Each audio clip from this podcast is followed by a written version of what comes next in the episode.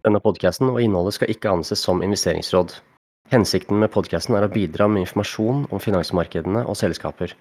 Podkastvertene er selvlærte hobbyinvestorer og ikke finansielle rådgivere. Informasjonen som gis i podkasten utgjør kun våre personlige meninger. Hvis du legger vekt på noe du har hørt her, gjør du det på egen risiko. Verdipapirer som diskuteres i podkasten skal ikke forstås som en anbefaling til å kjøpe, holde eller selge nevnte verdipapir. Podkastvertene kan være direkte eller indirekte eksponert mot verdipapiret som diskuteres. Hei og velkommen til Stockup, episode 20. Vi er en podkast som omhandler finansmarkedet og aksjer.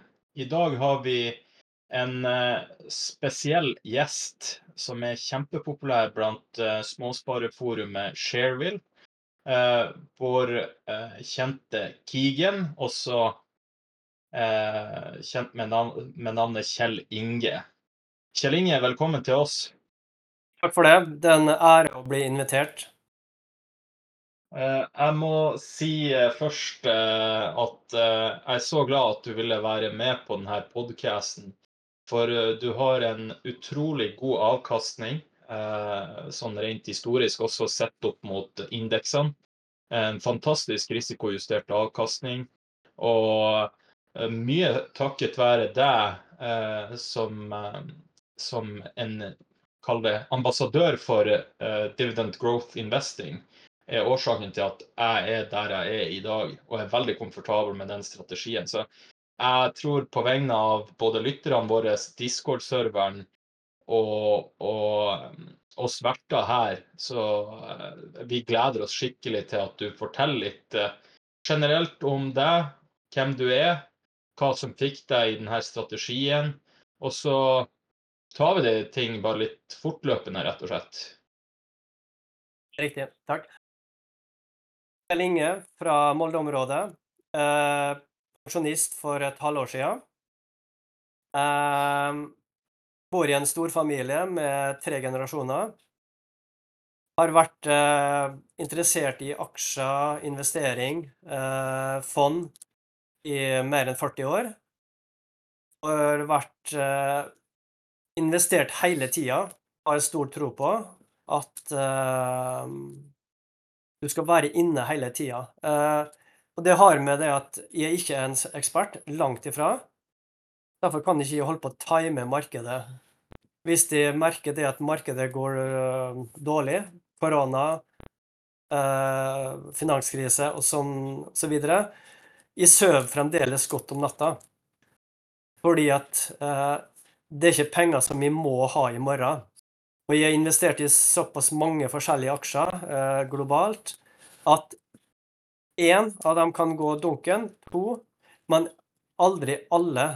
Fordi da er det krise i verden, og da er det ikke aksjer eller børsen vi tenker på, da er det noe helt annet som eh, opptar oss. Så jeg har vært eh, investert hele tida, også en, i forbindelse med at jeg kjøpte hus for over 20 år siden, så var jeg fremdeles investert, og jeg fortsatte å spare i aksjefond den gangen, måneden etter at jeg kjøpte hus. Filosofien min der er at uh, jeg tjener mer på å være investert hele tida enn jeg taper på renteutgifter. Uh, etter at jeg ble pensjonist, har jeg redusert litt på sparedelen. Jeg sparer nå 3000 kroner i måneden. Og litt av det har jeg begynt å lagt inn i high yield-fond. Uh, ellers er det bare å spørre. Uh, jeg har mye mer jeg kan fortelle om, men uh, dere må bare spørre litt om hva dere vil vite mer om. Absolutt, Kjell Inge. Jeg synes det, jeg må bare si det sånn at lytterne vet. Du er hvor gammel? 60 pluss, eller sier man hvor gammel man er etter at man har passert 50? ja da, det er ikke noe problem. Jeg fylte 62 år i vår, og da, da pensjonerte jeg meg. Men jeg fortsatte å jobbe. Jeg jobber som sykepleier, og det har jeg gjort i snart 40 år. Så jeg fortsetter med det, og tjener gode penger nå, da. Pensjon pluss lønn. Flott. Flott. Og så, eh, hva, er det som på en måte har gjort at en som eh, Ja, det er ikke meninga å være eh, holdt på å si å feie folk over en kam, men en sykepleierlønning er jo ikke så høy her i Norge enn det. Nei. Vi kan, ikke, vi kan ikke akkurat skryte på oss at vi er høytlønna. Men eh, ved, å, ved å vise det jeg har fått til, så, så håper jeg at andre òg skjønner det at det går an å få en liten formue ved å starte tidlig og holdt på hele tida. Det er ikke sikkert du får det til hvis du uh, bor på, sentralt i, uh, på Majorstua i Oslo eller Øvre Singsaker i Trondheim. Det er ikke sikkert du har like god råd på, lavt, lønna, på et lavt lønna yrke. Men vi er mange utover landet som har en grei økonomi, hvis vi greier å prioritere og bruke dem litt eller litt mer innen investering og sparing. Ja, eh, og, og det er det jeg tenker. Hva, hva ligger eh, holdt på å si, eh, aksjekapitalen din på per i dag? I dag har jeg en aksjekapital på ca. 1,7 millioner. 1,750. Og hvor mye får du i utbytte per år ca.? Og hvilken, holdt på å si eh, hvilken, Hvilket mål er det du har der, egentlig? Mm. Siden jeg begynte i 2014, så har jeg mottatt 330 eh, 000 i utbytte, minus kildeskatt og sånt, sjølsagt. Målet mitt da jeg starta i 2014, var at jeg skulle nå 60 000, og det når jeg det målet oppnår jeg i år først. Så jeg har holdt på da i snart ti år. Ni år, iallfall. Eh, så har det jo skjedd ting eh, på politikkfronten etterpå, sånn at det forsvinner jo en del av det der i kildeskatt og eh, utbytteskatt da, når jeg, den dagen jeg tar ut pengene. Men likevel, målet er der, og det har jeg nådd nå. Nå kan du si det at 60 000 av en formue på 1,7 det er en veldig lav yield. Og klart nok, en, Mye av den, eh, det grunnen er jo det at f.eks. Apple har gått som ei kule etter at de kjøpte. Mange av de andre amerikanske aksjene har gått veldig bra. Og dollaren har gått veldig bra.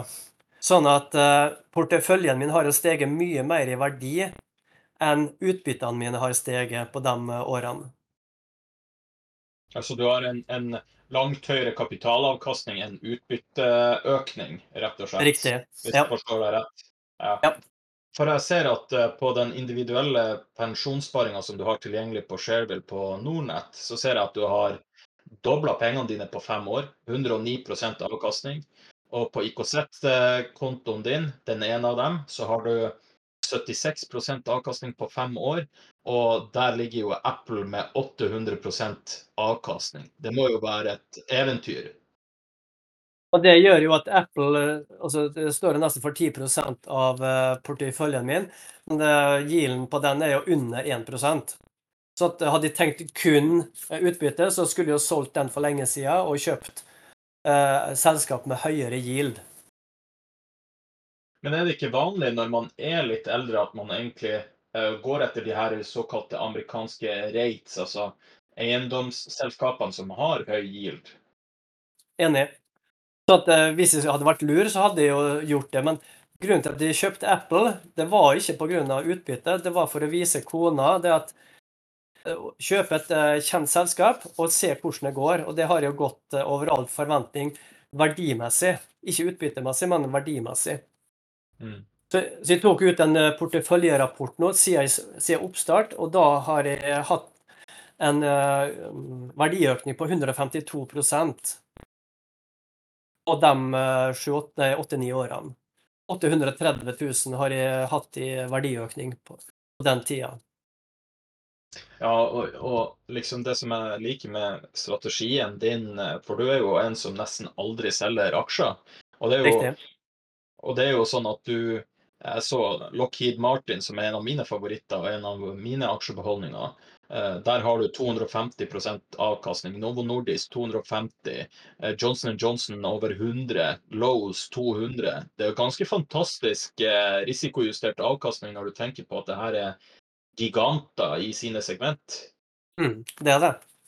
Og det er jo ikke det er, det er, veldig viktig for meg å understreke. Det er ikke fordi de er fantastiske til å plukke aksjer, men de har gått etter dem som de trodde ga gode resultat. Jeg kjøpte også General Electric. Den har jeg solgt fordi den kutta utbyttet to ganger. og Den solgte jeg. Så, så det er ikke alt som har vært uh, suksess. Nei, nei. Så hva, for, forklar oss litt uh, mer om uh, egentlig Hva er din strategi? Du sier du ikke driver med aksjeplukking, men hva, fortell litt om prosessen når du skal finne et selskap, og, og, og, litt rundt det, Kjell Inge. Grunnen til at jeg begynte med det her, var at jeg så jeg prøvde å finne noe mer. Jeg hadde prøvd Dine Penger sine aksjeråd en par år, med oppgang ett år og nedgang neste år. Eh, jeg har prøvd aksjefond i mange år med bra gevinst, men var, for meg så var det veldig kjedelig. Eh, så så jeg om etter noe annet. Da, da fant jeg ut det der med utbytte. Jeg hadde jo fått utbytte den tida jeg kjøpte rene aksjer, men de, de registrerte ikke. Fikk 200 nå og 350 da, men de, de oppfatta ikke de utbyttene. Men når de begynte med det her, så var det pga. Karl Oskar hadde en eh, video i 2014 eller sånne ting, om eh, utbytteinvestering. Eh, de parene de har i fremdeles, de gir rundt 8-10% utbytte. Men de er med bare å fòre opp porteføljen med utbytte hver måned. Og så, i mars 2015, så kom vi over utbytteinvestering i form av DGI DGI. Og da var det at eh, ballen begynte å rulle. Da fikk jeg kontakt med bl.a. Ørretporteføljen, som eh, viste meg eh, tålmodig hva som kunne gjøres, og hvordan han eh, kunne gjøre det. Og det var helt fascinerende etter hvert som vi begynte å lære mer og mer om det.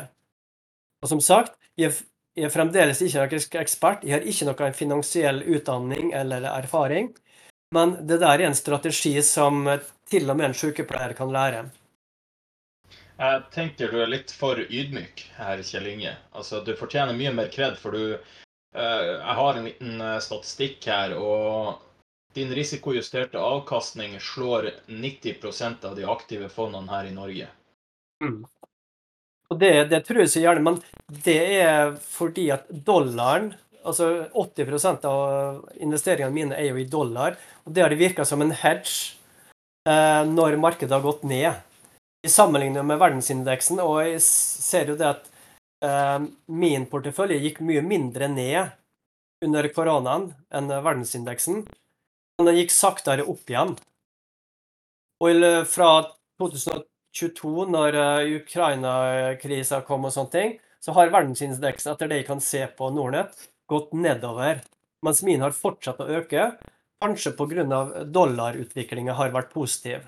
Som sagt, det her har jeg ikke vært ekspert på, så jeg kan ikke garantere de tankene mine. Men det er sånn jeg vurderer det. Men uh, interessant at du nevner valuta. Både jeg og Kenneth blir møtt av uh, lyttere og, og, og, aktive medlemmer av discorden. Og hvorfor liksom Hvordan kan man kjøpe en aksje når en dollar koster 11 kroner? For det er liksom på skyhøye nivåer. Hva, hva, tenker du om sånne ting, hvis jeg hadde stilt deg det samme spørsmålet? Hvorfor kjøpe hver måned eh, selv om dollaren er høy? Spekulerer du i valuta da, eller hvordan funker det? Nei, jeg spekulerer absolutt ikke. Jeg spekulerer verken i aksjer eller i valuta. Klart jeg vet at dollaren er dyr nå. Jeg husker jo tilbake for 10-15 år siden når dollaren kosta fem kroner.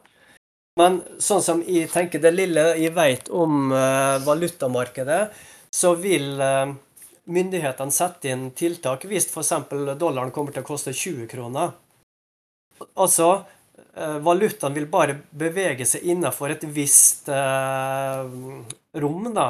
F.eks. fra 5 til 20. Mens en aksjekurs, den kan stige uendelig. Jeg vet ikke om jeg greide å forklare det godt nok, men Uh, valuta vil aldri stige uendelig. Så, etter det jeg, har lært. Men uh, si meg Når du velger et selskap, må, har, er et av kriteriene dine eh, Ser du på PE? Ser du på yield? Ser du på hva er utbytteveksten? Ser du på sektorer? Eh, hva, hva er det som gjør at du klarer å treffe Altså, det er ytterst få som har gjort åttegangeren i Apple, eh, sånn som du har på relativt kort tid. da. Så hvordan får du det til, liksom? Eh, akkurat Apple det er jo litt spesielt, i og med at det ikke eh, var førstevalget som utbytteaksje i hele.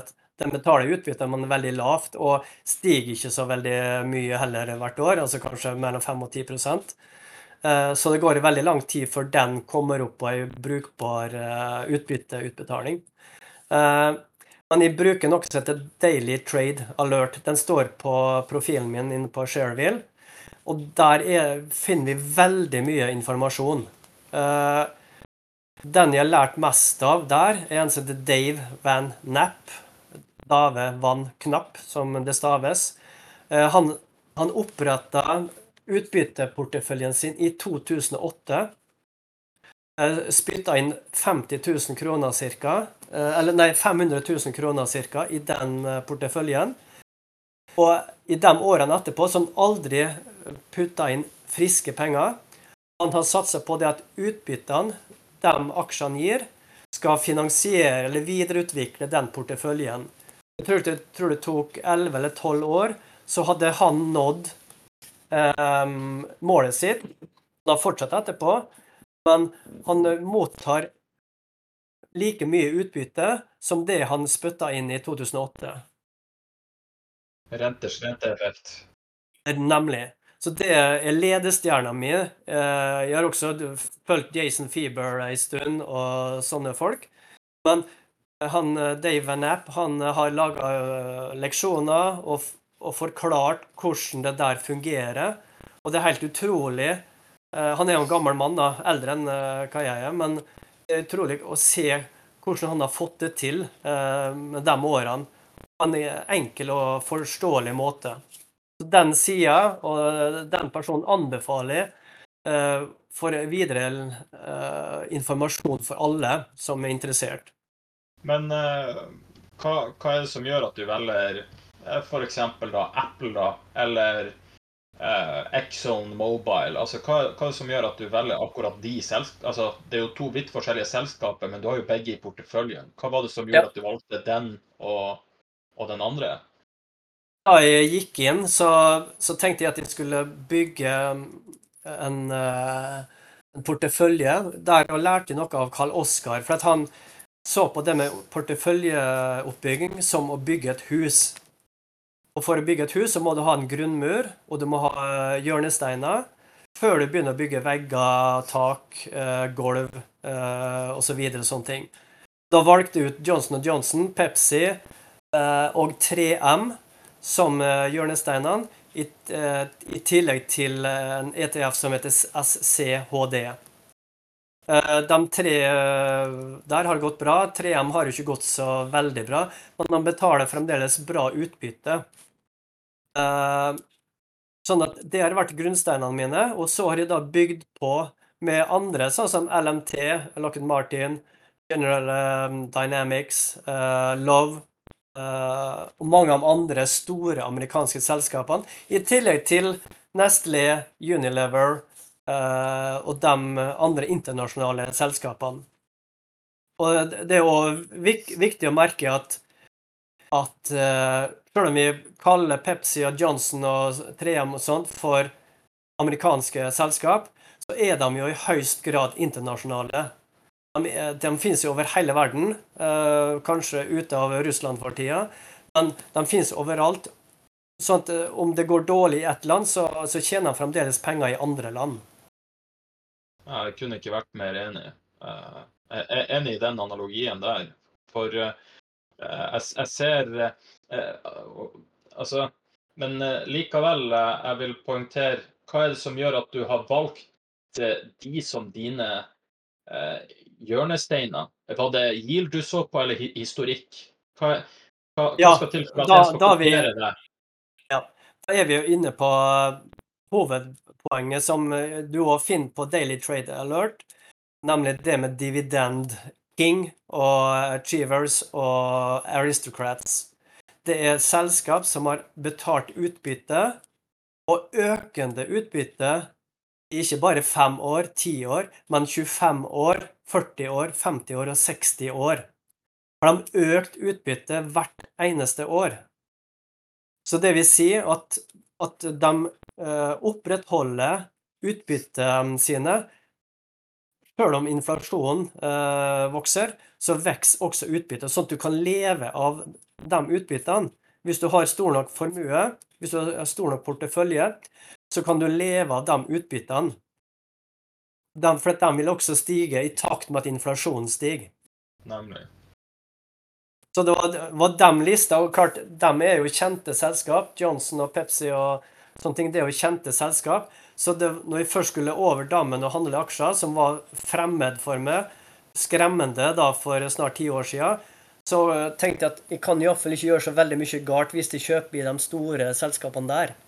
Etterpå så har jeg jo kjøpt, kjøpt mange andre ukjente selskaper òg, men som jeg er blitt kjent med etter hvert. Eh, så, så jeg er ikke noe redd for å handle i USA lenger. Vil du si at, eh, at eh, den generelle nordmann er redd for å handle i andre valutaer? Tror du, tror du det er tilfellet? Jeg tror altså I mitt yrke da, så treffer jeg mange, jeg treffer mange folk, men treffer en del folk. De er redd for aksjemarkedet generelt sett. Og sånn som kona mi sier, at eh, nå må vi selge, for at markedet går sikkert nedover. Og hvis det har gått nedover, så må vi iallfall selge, for at det kommer til å gå enda mer nedover. Men eh, det som jeg har lært gjennom 40 år, det er at aksjemarkedet går alltids oppover. Om det ikke går oppover i dag eller en uke her eller en måned her, så går det alltids oppover på sikt. Hvis du er godt diverifisert, Eh, sånne ting, så er du sikra. Eh, du, du, har en trygg eh, Du har en trygg grunnstein, en grunn, trygg grunnmur å bygge videre på. Vil du, vil du si at du er en langsiktig optimist? Er det det du sier? Ja, det er jeg. Og det klart, skulle det verste skje at de skulle tape om både Pepsi og Johnson og Apple og sånt gikk konkurs i morgen fordi at det kom en ny president i USA som ødela hele greia, så altså Allikevel så Altså, det ville være et surt tap å tape 1,7 millioner, eh, men allikevel, de hadde overlevd det. Men det er klart, det er, jo, det er jo utopi å tenke at alle de selskapene går konkurs, men da må det være politiske eh, avgjørelser som gjør at f.eks. utlendinger ikke kan eie aksjer i USA eller et eller annet sånt. Da måtte vi kunne selge dem. Dette er jo bare utopiske tanker jeg har. men så, så, derfor så er jeg ikke redd for sånne ting i hele tatt. Nei, så du, du tenker eh, ja, hvis det blir en uh, atomkrig ute i verden, så, så, si, så, er det en verre skjebne i realøkonomien eller i det virkelige livet kontra aksjemarkedet. Det er ikke akkurat der du ser, sjekker kurser da. ja, men det, det, er helt sant. Da, for det har vært snakk om tidligere òg at, at at da er det ikke aksjemarkedet vi er redd for. Da er det heller ikke eiendomsverdien eller verdien på huset vårt vi er redd for. Da er det atomnedfall eller, eller bomber vi er redd for. Da, da betyr den verdien ingenting lenger. Men kan jeg spørre deg, hvorfor, hvorfor jobber du? holdt på å si, Det virker jo som at du har økonomien på stell. Hvorfor, Hvorfor jobbe når du har en fin aksjeformue, du har eh, sikkert en god eh, pensjon, bedre enn det jeg og Kenneth kommer til å få når vi, når vi en dag skal ha med pensjon. Så hvorfor jobbe ved siden av og ikke nyte dine glade, gamle dager hjemme, liksom? Mm. Jo, det skal jeg si. Eh, jeg bor jo på Vestlandet. Og ferien i fjor, i 2022, da regna det omtrent hver eneste dag. Og da tenkte jeg at jeg kan jo ikke sitte inne og se på Netflix resten av livet. Det hadde blitt gørr kjedelig. Så jeg må ha noe å gjøre på. Og jeg har ikke så mange hobbyer ved siden av eh, at jeg kan eh, fylle tida med det. Eh, og dra til byen og sitte på kafé hver dag, det blir òg for kjedelig for meg. Så fant jeg ut at ja, men da tar jeg og jobber. Kanskje et par vakter i uka, men så har det vakka på seg litt, så jeg jobber nesten like mye som jeg jobba før. Og det trives jeg veldig godt med så langt. Det kommer en dag for meg òg, om uh, tre år eller åtte år eller hva man vet, der jeg ikke orker mer, kroppen sier fra, eller sånne ting, men så langt så har det gått veldig greit. Og så får jeg jo lønn for det, Det er deilig å kunne, kunne ha valget, ikke sant? Ha den friheten til å velge. nemlig at, eh, at jeg har valget. Jeg, jeg kan velge jeg, jeg, jeg må ikke jobbe i morgen, men jeg kan gjøre det hvis jeg vil. Å komme dit, det er jo òg en av filosofien bak eh, utbytteinvestering. At Målet mitt var jo at jeg skulle ha en fin tilleggspensjon, eh, i tillegg til pensjon fra jobb, som, gjorde, som jeg kunne spe på med. Eh, og det Den bare fortsatte å vokse. Ikke sant? Hvis du, det er veldig interessant å høre, Sling. Altså, hvis, du, hvis, hvis du på en måte setter litt eh, fremover i, i tid, hva, hvilke på en måte, jeg vet ikke, selskaper eller sektorer eller sånt, er det du syns virker spennende å, å fylle på uh, i fremtiden? Jeg har ikke noen sånne veldig spesielle sektorer jeg er interessert i. Det er to sektorer jeg holder meg borte fra, langt borte fra, og det er bilsektoren. Uh, Toyota um, osv. og så og sånt. Og så er det flyselskap. De holder meg også langt borte fra. Uh, Jeg, tenkte bare på, eh, på det der sitatet. Hvordan bli fortest mulig eh, eh, millionær. Og det er å investere en milliard i et flyselskap. Nemlig. Ja, helt enig. Så, og det er for Da er vi oppe Det som jeg skriver på uh, sida mi på Sharewheel, er ikke en Jeg jeg timer ikke kjøpene mine. Jeg, spekulerer ikke. Jeg har ikke hjerne eller mage til å spekulere og gå inn og ut, øh, sånn som mange ønsker. Uh, Sindre Finnes, for eksempel, som spekulerer. Altså, der er ikke jeg. Jeg har ikke peiling på sånne ting. Hadde det, så kunne jeg jo godt kjøpt Norwegian en dag og solgt det dagen etterpå. Men jeg har ikke peiling på det. Jeg hadde ikke peiling på hva slags av de selskapene jeg eh, skulle kjøpt. Da måtte jeg lært meg mye mer sånn eh, eh, hode, skulder, kne og tå-strategier og sånne ting. Men det kan ikke, sånn som Cash Gloom og sånne ting. Har ikke peiling på det han skriver om. Jeg liker veldig godt at du uh, sier det, Keegan. Uh, jeg vet at Cashbloom lytter på hver eneste episode, så han kommer til å spille brett eh, for det her, at du nevner akkurat det der med hode, skulder, kne og tå. Jeg pleier å mobbe han for det, jeg òg. Ja, ja, nemlig.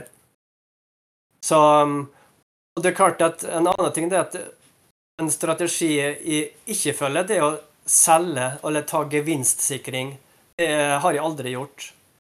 Noen ville jo sagt at å beholde Apple når jeg kunne investert i åtte andre selskap, det er dumt. Jeg kunne, jeg burde, kanskje det er riktig, jeg burde ha solgt Apple og tatt gevinsten og investert i andre selskap som hadde gitt meg mer utbytte.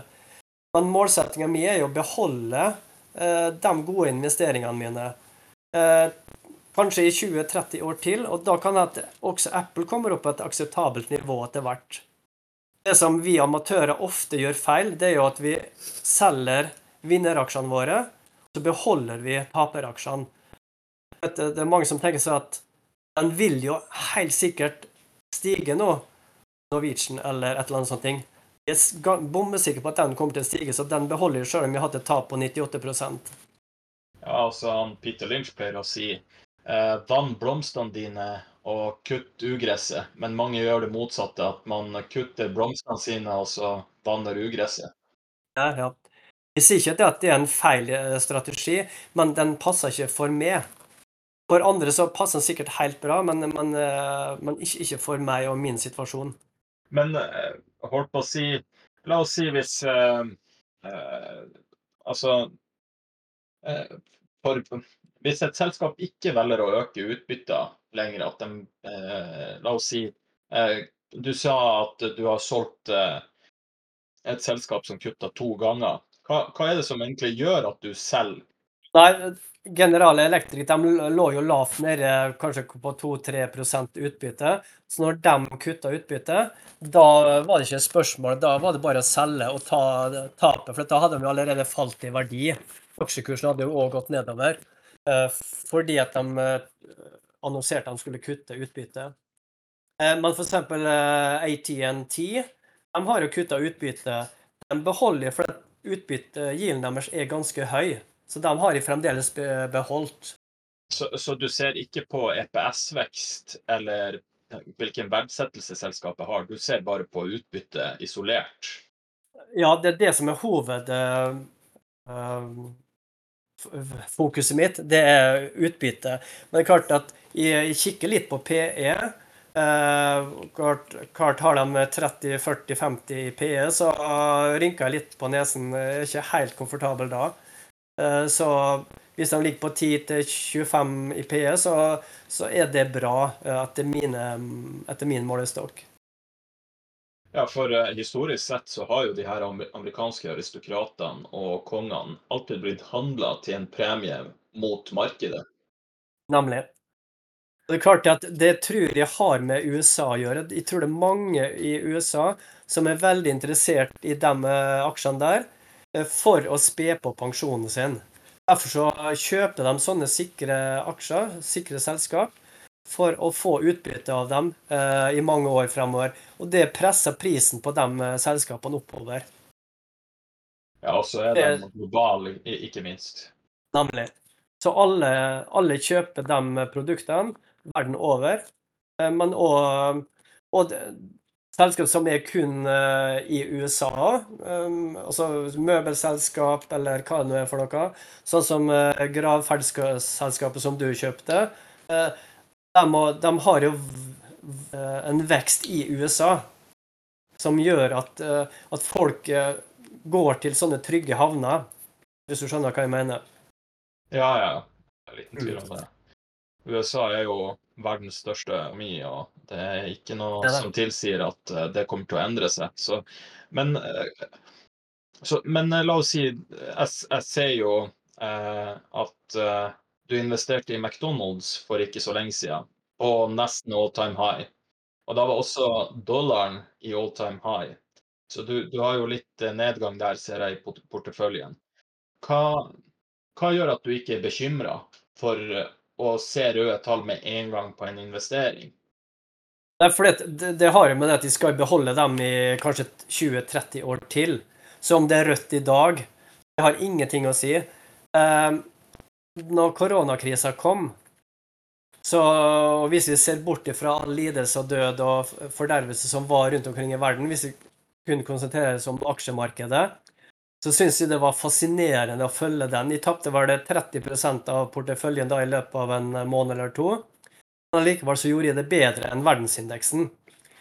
Og det som jeg tenkte da, det var at oi, nå er det billigere å kjøpe aksjer. Jeg sov like godt om natta når det gjelder uh, aksjemarkedet.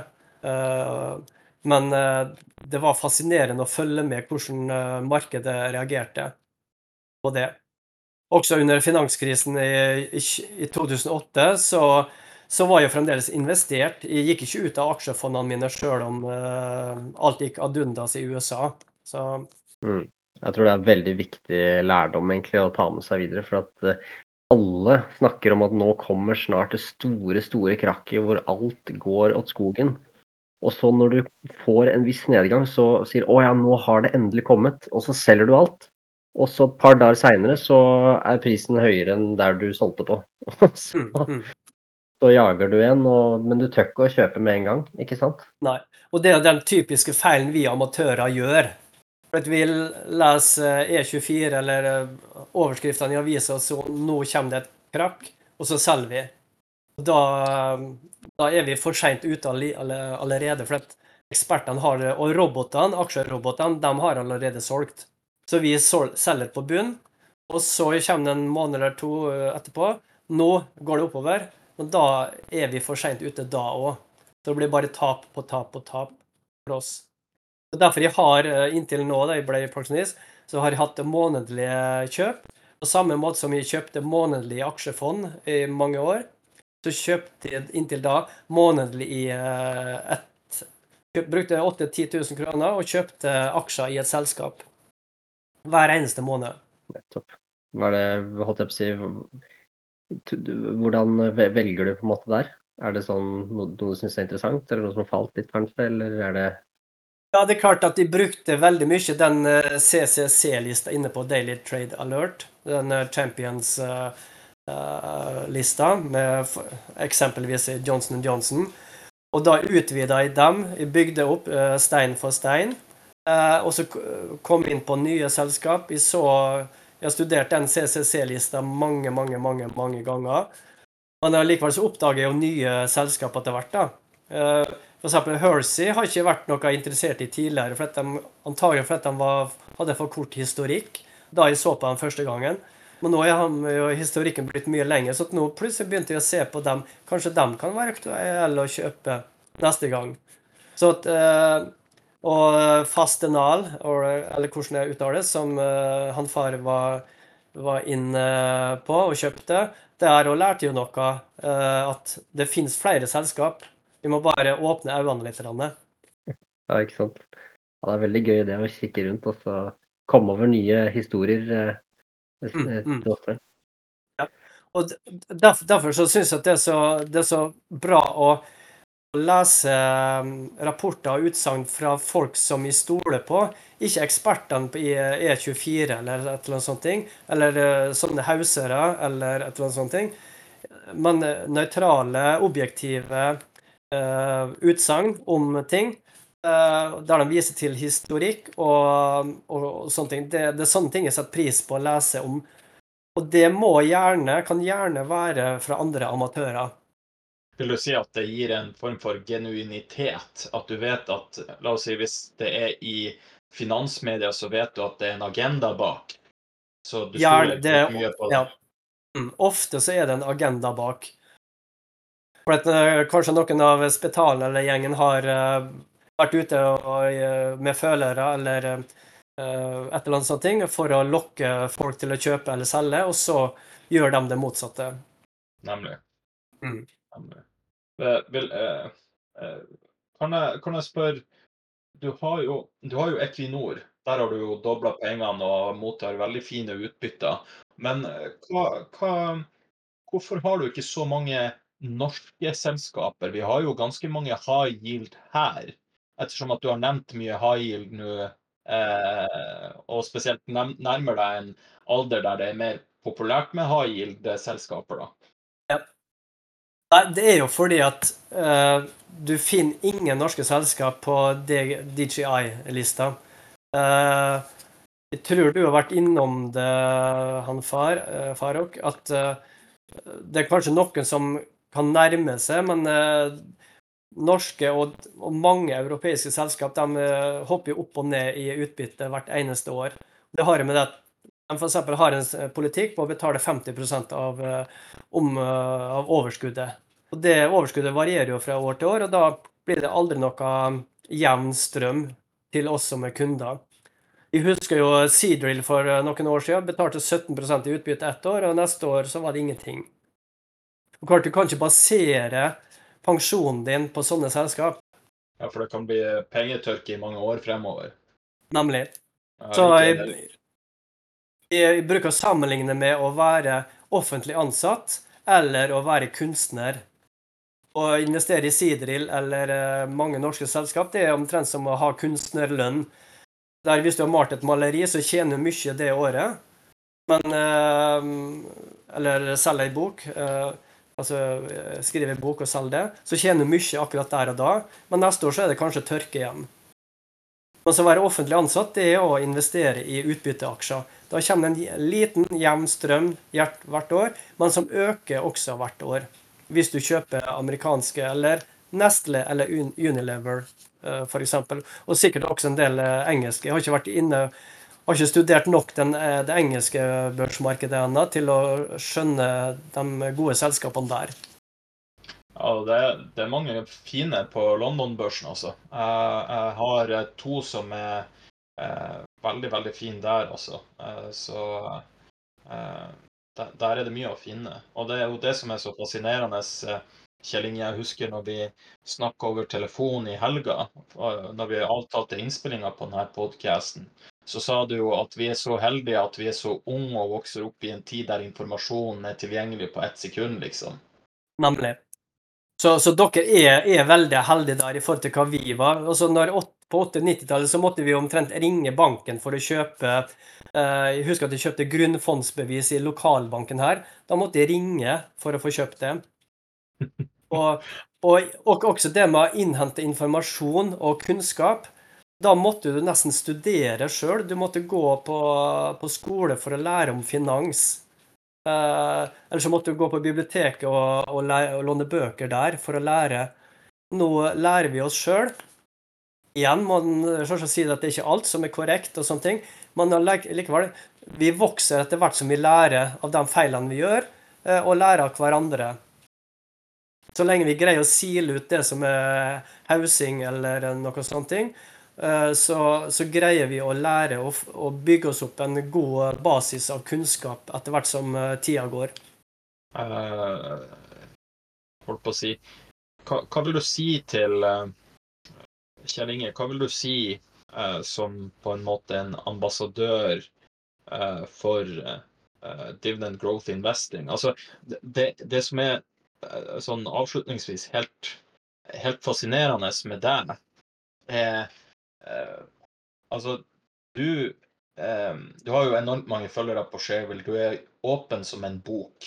Eh, både med tanke på hva du har investert, hva du får i utbytte og sånn. Og mange nordmenn syns jo økonomi er litt tabu.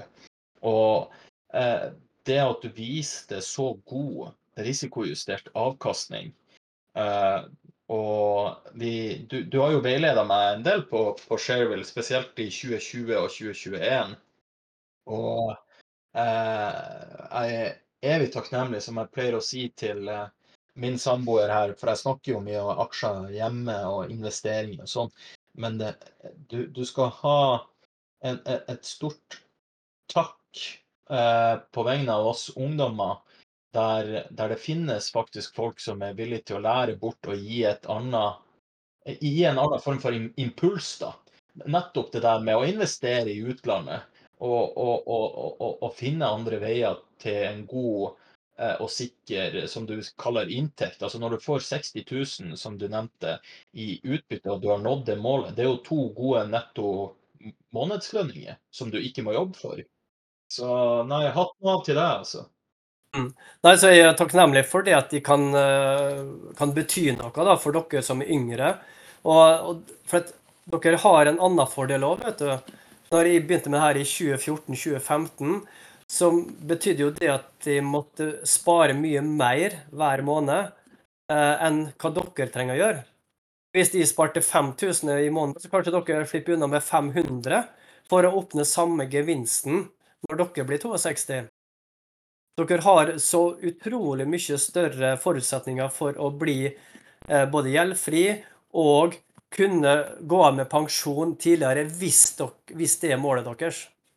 Så, så, målet eh, mitt er det at dere unge skjønner det at det skal ikke så mye til. Jeg sier det på jobb òg. Det viktigste er å sette til side Om det er en hundrelapp, så begynn med det. Sett til side en hundrelapp hver måned. Og nå skal jeg komme med en brannfakkel. Det er ikke det viktigste om du sparer i aksjer eller aksjefond eller uh, hva. Det er ikke det viktigste. Det viktigste er at du setter side penger hver måned. Ulempen med banksparing er jo selvsagt det at det er så lett å ta ut pengene. Hvis du finner en ny mobiltelefon du skal kjøpe, så forsvinner jo bankkontoen på 0,0. Men eh, Pepsi-aksjene mine de selger ikke for å kjøpe en mobiltelefon. De blir stående. Skjønner dere bildet? Absolutt. Det er veldig, det er veldig viktig og riktig. Det er altfor fristende ikke sant, når pengene står litt tilgjengelig, å bruke dem på noe annet. Det var jo som sagt i aksjefond i mange år, men der òg eh, Det var kjedelig. Jeg tjente jo penger der, men jeg husker aldri om jeg hadde 140 000 eller 240 000 eh, på konto. Eh, for at det liksom Det var så anonymt. Det, var, det betydde ikke så mye. Jeg hadde penger, men det betydde ikke så mye. Men som sagt, Johnson Johnson-aksjene mine, dem får stå i fred. Ikke sant. Hm. Ja, jeg hadde på en måte et, siste spørsmål. Jeg tror kanskje du egentlig svarte på det nå, men liksom, det er jo mange av lytterne som er tidlig i investeringskarrieren sin. Så hva, hva, vil du anbefale dem å gjøre? Eh, begynn, om det er samme 100 kroner eller 500 kroner måneden. Kjøp eh, aksjefond i begynnelsen, inntil dere har eh, nok penger til å begynne å kjøpe en enkelaksje. Eh, hvis du har null eh, kunnskap, så holder det å kjøpe um, aksjefond og ha det som en grunnlag. Etter hvert som du lærer, så kan du begynne å bevege deg bort på uh, enkeltaksjer. Men det som er eh, absolutt viktigste lærdom du gjør opp gjennom tida, det er å lære om deg sjøl. For et klart, har du investert 100 000 i Apple, og Apple får store problemer i morgen, sånn at du taper halvparten, da har du problem hvis du da ikke får sove om natta. Du skal ha sleep well at night, det er jo et av eh, kriteriene mine. Du skal greie å sove godt om natta sjøl om eh, porteføljen eller eh, børsen synker 30 Så hvis du ikke greier å sove godt, så skal du ikke være så mye investert. Da skal du holde det med banksparing. Ja, veldig gode, gode tips her. Jeg kjenner meg igjen i mye. Så vi takker veldig for at du tok deg tiden til å komme og snakke med oss. Det har vært eh, fantastisk. Du er et eh, idol og forbilde for mange eh, småsparere der ute. Vi ja. veldig pris der. Ellers så vil jeg òg takke dere for invitasjonen. og jeg og jeg stum av beundring for det dere har fått til med den discorden og, og SnakkUp-episodene deres. Det er helt utrolig hva dere har fått til der, altså bare i løpet av et halvår. Uh, så det, det, Dere fortjener all den eh, ros som dere kan få for innsatsen og, og produktet dere har fått til. Skal ta, ta, det skal dere ta med dere. Tusen takk, Kjell Inge. Mm. Folkens, jeg holdt på å si en sånn applaus til Kjell Inge.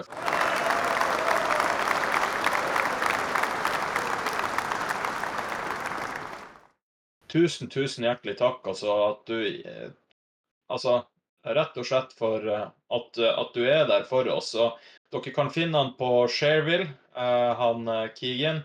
Han har 2000 følgere. Og han Ja, du har en like god avkastning som Nasdaq de siste fem årene. Og det med langt lavere risikoprofil. Så takk for oss og på gjensyn. Takk. Takk dere òg.